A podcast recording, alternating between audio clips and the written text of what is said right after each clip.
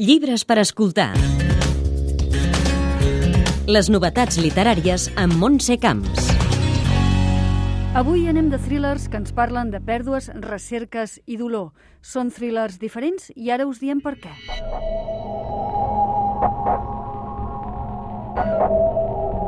L'escriptor i editor Marc Moreno publica Després de la vergonya a l'editorial Llibres del delicte. Ens parla d'en Pau, un home que anuncia a la seva parella que marxa de casa perquè s'ha enamorat d'una altra dona, però just després de sortir de l'edifici, un cotxe l'atropella. Després de quatre anys en coma, en Pau es desperta a l'hospital, però no hi ha rastre ni de la seva dona, ni del seu fill, ni de la dona que estima. I així el llibre es planteja això que ens explica el mateix autor. Com una persona, després d'una hospitalització llarga, quan desperta troba que la vida, tal com la coneixia fins a aquell moment, ja no existeix, on ja no hi ha ni tota la gent que l'envoltava abans, ni ell tampoc és el mateix. De gairebé aprendre a viure, amb les limitacions físiques i de salut que té, però també amb les limitacions psicològiques que això li suposarà. I d'alguna manera eh, es pregunta on és aquella vida que tenia fins al moment de l'accident i el moment de l'hospitalització i què és el que ha passat exactament.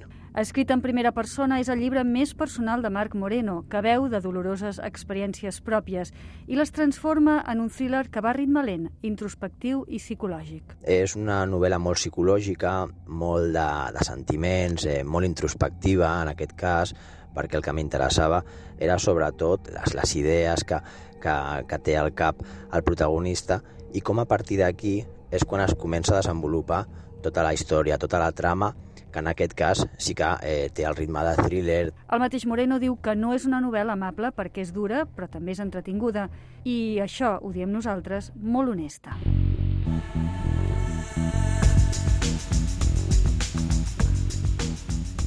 La Sílvia és una executiva de la Paralta de Barcelona que té un fill que rep tractament per lluitar contra l'addicció a les drogues. Un dia en rep un missatge al mòbil que diu només «No em busquis». I aquest és justament el títol del segon thriller que us presentem avui i que signa Sara Medina. Però atenció, darrere aquest nom hi ha dos escriptors, David Sirici i Carmen Fernández Villalba, reconegudes sobretot per la seva feina com a guionista de sèries com Estació d'Enllaç o Vent del Pla, i que ens explica com és treballar a quatre mans. Ara hem vist que ha guanyat el Premi Planeta una novel·la col·lectiva, també escrita per tres guionistes. Eh, ells tindran una fórmula que segurament prové més del món del guió. Nosaltres hem, hem fet com un híbrid, no? Jo inventava més la trama, els personatges, eh, fornia el David, que es dedicava a la part més de, de l'escriptura. I, bueno, ha estat com, com fer la massa d'un pa, no? Que entre a quatre mans hem anat acabant creant aquesta obra col·lectiva amb una sola veu, perquè sí que és veritat que hi ha com una alquímia que fa que no notis que hi ha dos caps al darrere. El llibre s'endinsa en temes com la maternitat posada al límit, l'amistat entre dues dones oposades i també sobre la Barcelona actual, sobreexplotada pel turisme i que parteix també d'experiències personals, com ens explica David Sirici, autor, entre moltes altres novel·les, del fenomen editorial Molsa. Aquesta novel·la parteix eh, d'experiències de, de, nostres. Nosaltres som pares d'adolescents, tant la Carmen com jo, i per tant coneixem el, el món dels, dels adolescents i el pa que s'hi dona, no? I d'aquí va, vam entrar en contacte amb, a través d'amics que també tenen fills d'aquesta edat doncs, amb el tema de les teràpies per drogodependència i en efecte eh, d'aquí surt l'origen de la novel·la i després els personatges també estan treballats a partir d'amics i, i amigues, de coneguts. No?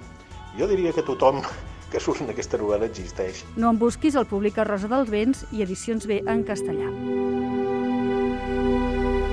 I sembla que això d'escriure a quatre mans és una fórmula que agrada, perquè Andreu Martín i l'exmosso d'Esquadra i també escriptor Jo Miquel Capell s'han unit per crear la novel·la Policies, que publica la col·lecció crims.cat de l'editorial Al Revés.